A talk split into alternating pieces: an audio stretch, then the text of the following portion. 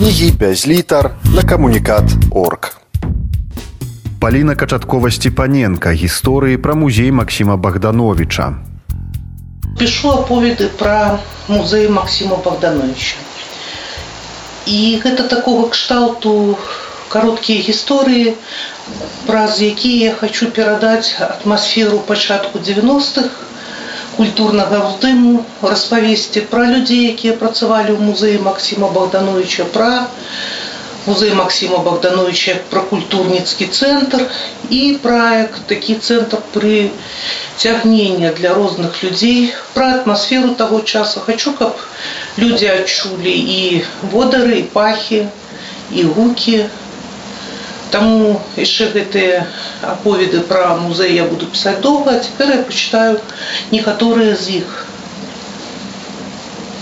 Мне снится музей Максима Богдановича. Снится по-рознаму. Бывае сон, які добры. І мне кажуць весці экскурсію, а я ўжо з 98 -го года не працую. І ў той же час я выходжу на экспазіцыю, якая вельмі моцна змянілася. Я бачу лесвіцы, я бачу пераходы, я бачу партрэты незнаёмых людзей, і мне пра гэта трэба распавядаць.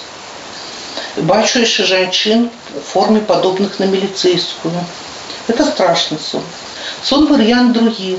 На экспазіцыі все як раней. Але людзі на фотаздымках рухаюцца, старонкі кнігі варушацца, і дзіўны ветрык невядома адкуль, а экскурсантаў няма. І все, што я гавару, я гавару сама сабе.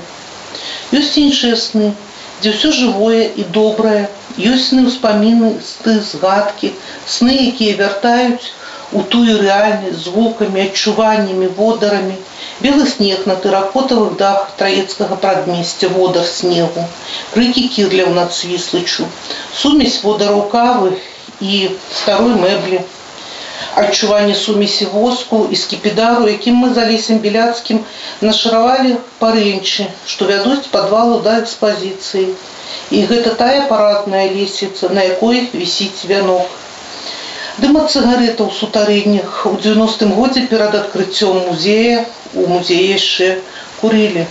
Адчуванне дотыкаў да пластмасавых выключальнікаў шчытков, Адно за адным я ўключаю святло ва ўсіх музейных пакоях, калі прыходжу на дзяжурство і змяняю начнога вартаўніка. І гэты час, калі ты ў музеі адна, хвілін 40 самы незвычайны.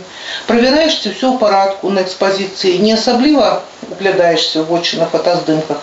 Старэйшыя калегі папярэджвалі, не трэба глядзець вочы на старых фотаздымках. Это мёртвыя людзі. Важкі ключ адмыкае вялікую паштовую скрыню на сцяне. На адрас музея ідзе штодня шмат лістоў, не толькі ў музеі, але і ў газету свабода, якая працуе тут і арендуе пакой першы злева ад службовага ўваходу. Абрысы верхняга гораду, бачныя праз вакно, дзе месціліцца музейная кухня і п'юць гарбату. Гэта другі паверх. Пераход паміж двумя будынкамі, у якіх музей Максима Богдановича. Верхний город з гэтых вокнаў башні. Вежы катэдральнага касцёла выраслі за час маёй працы ў музеі. У 90-м годзе гэта яшчэ квадратная будыніна, спартовая зала. А пасля з'явілася тое, пра што марылася касцёльныя вежы. Часам я думала так, вежы з'явіліся незалежна ад таго, марыла я пра іх ці не. Хаця гэта было ўвасабленне мараў пра верхні горад, яшчэ з 1986 года, калі я з чацвёртага інтэрната на Машырова хадзіла каля катэдральнага касцёла на філфак.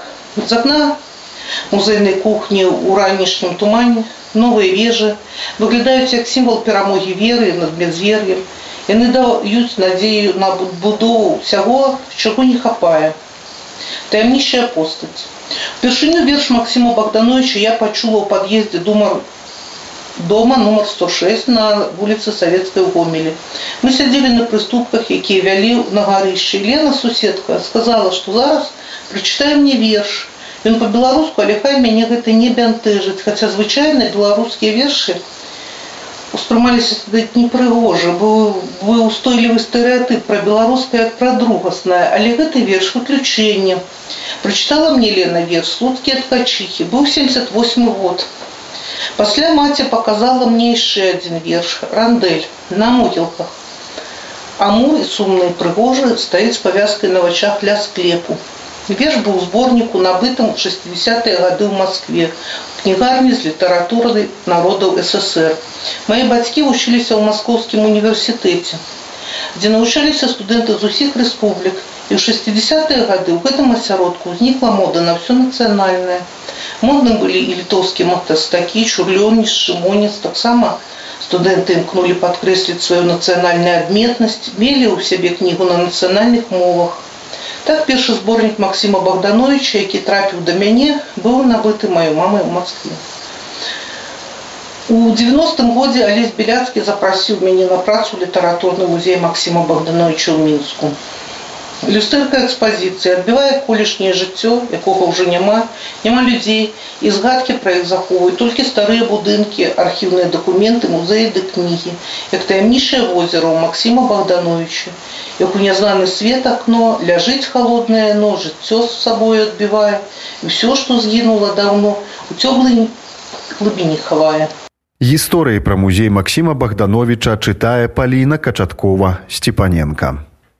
У 90-м годзе ў літаратурным музеі Максіма Богдановича была такая ідэя на першым паверсе зрабіць экспазіцыю, прысвечаную паэтам Богдановичаўскай школы.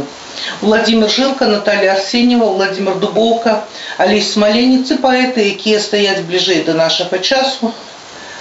Напрыклад, напрыканцы студзеня 91 -го года для пошукаў ідэі для тэкстаў для экспазіцыі першага паверха мы з Аленай Кіселевич паехалі ў вільню працаваць у бібліятэцы акадэміі навук. Цяпер бібліятэка акадэміі навук літвы імя рублеўскіх. Жылі на праспекце Гедеміна. Гатэль быў вельмі дзіўны пачатку 20 ці канца 19 стагоддзя перароблены пад савецкі гатэль. Парезалі прастору, атрымаўся дэпрэсіўна панурыя нумары, як вузкія пеналы з вузкай столлю, з высокай столлю і рэшткамі ляпніны. У ляпніне ўгадваліся фрагменты раслін і анёлаў. Бібліятэку мы ішлі праз барыкады. І быў наш гадэль бліжэй да катэдральнай плошчы, да парламенту мы хадзілі асобна глядзець. Толькі што адбыліся студзеньскія падзеі ў вільні.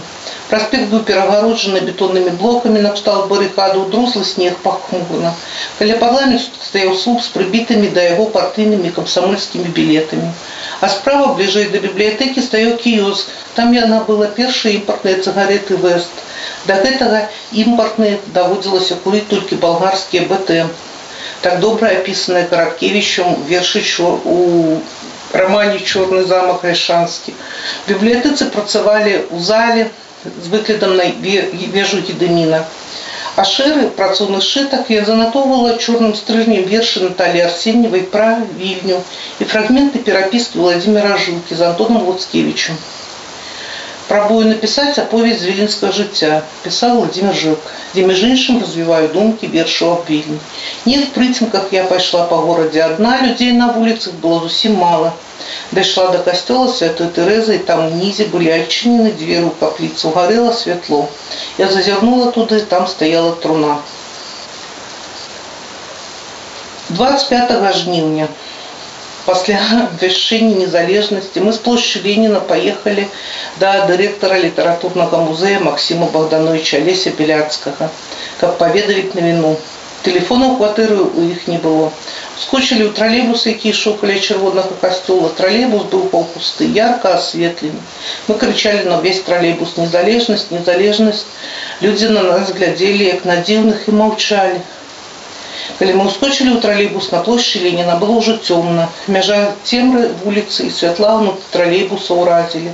На плошчы яшчэ заставаліся людзі, а ехалі мы на варанянскага. Ехалі по маршруце, па якім некалі хадзіла Зоська Верас і Максім Богданович. У 90-е падчас працы ў літаратурным музеі Максіма Богдановича я часто ездила в Вильню до Леона Луцкевича, сына Антона Луцкевича. Антон Луцкевич, Антон Навина в книзе литературной критики «Отбитое житье» назвал Максима Богдановича песняром чистой красы и дал значение чистой красы. Это то, что выкликае эмоцыйны ўздым, аналогічны любоўнаму экстазу. А тое што не выклікае гэта не ёсць э, чыстая краса не ёсць літаратура Лявон Луцкевич апавядаў, як страціў свой экземпляр вянка ў вайну падчас пераезду Кенігсберг. Калі выязджаў, узяў з сабой сакваяж, самае неабходнае і кнігі. На вакзале Кенігсберг здаў багаж у камеру захоўвання, а вакзал бомбілі, разбомбілі і камеру захоўвання, загінуў багаж. Ужо ў 2000 некалі летаў запар выбіралася ў госці да сяброўкі перакладчыцы са шведскай мовы, Калінінград ужо.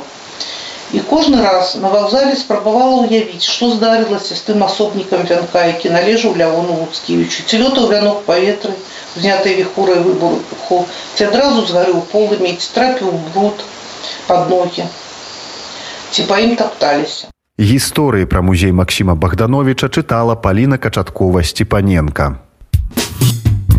Кнігі без літар на камунікат орг.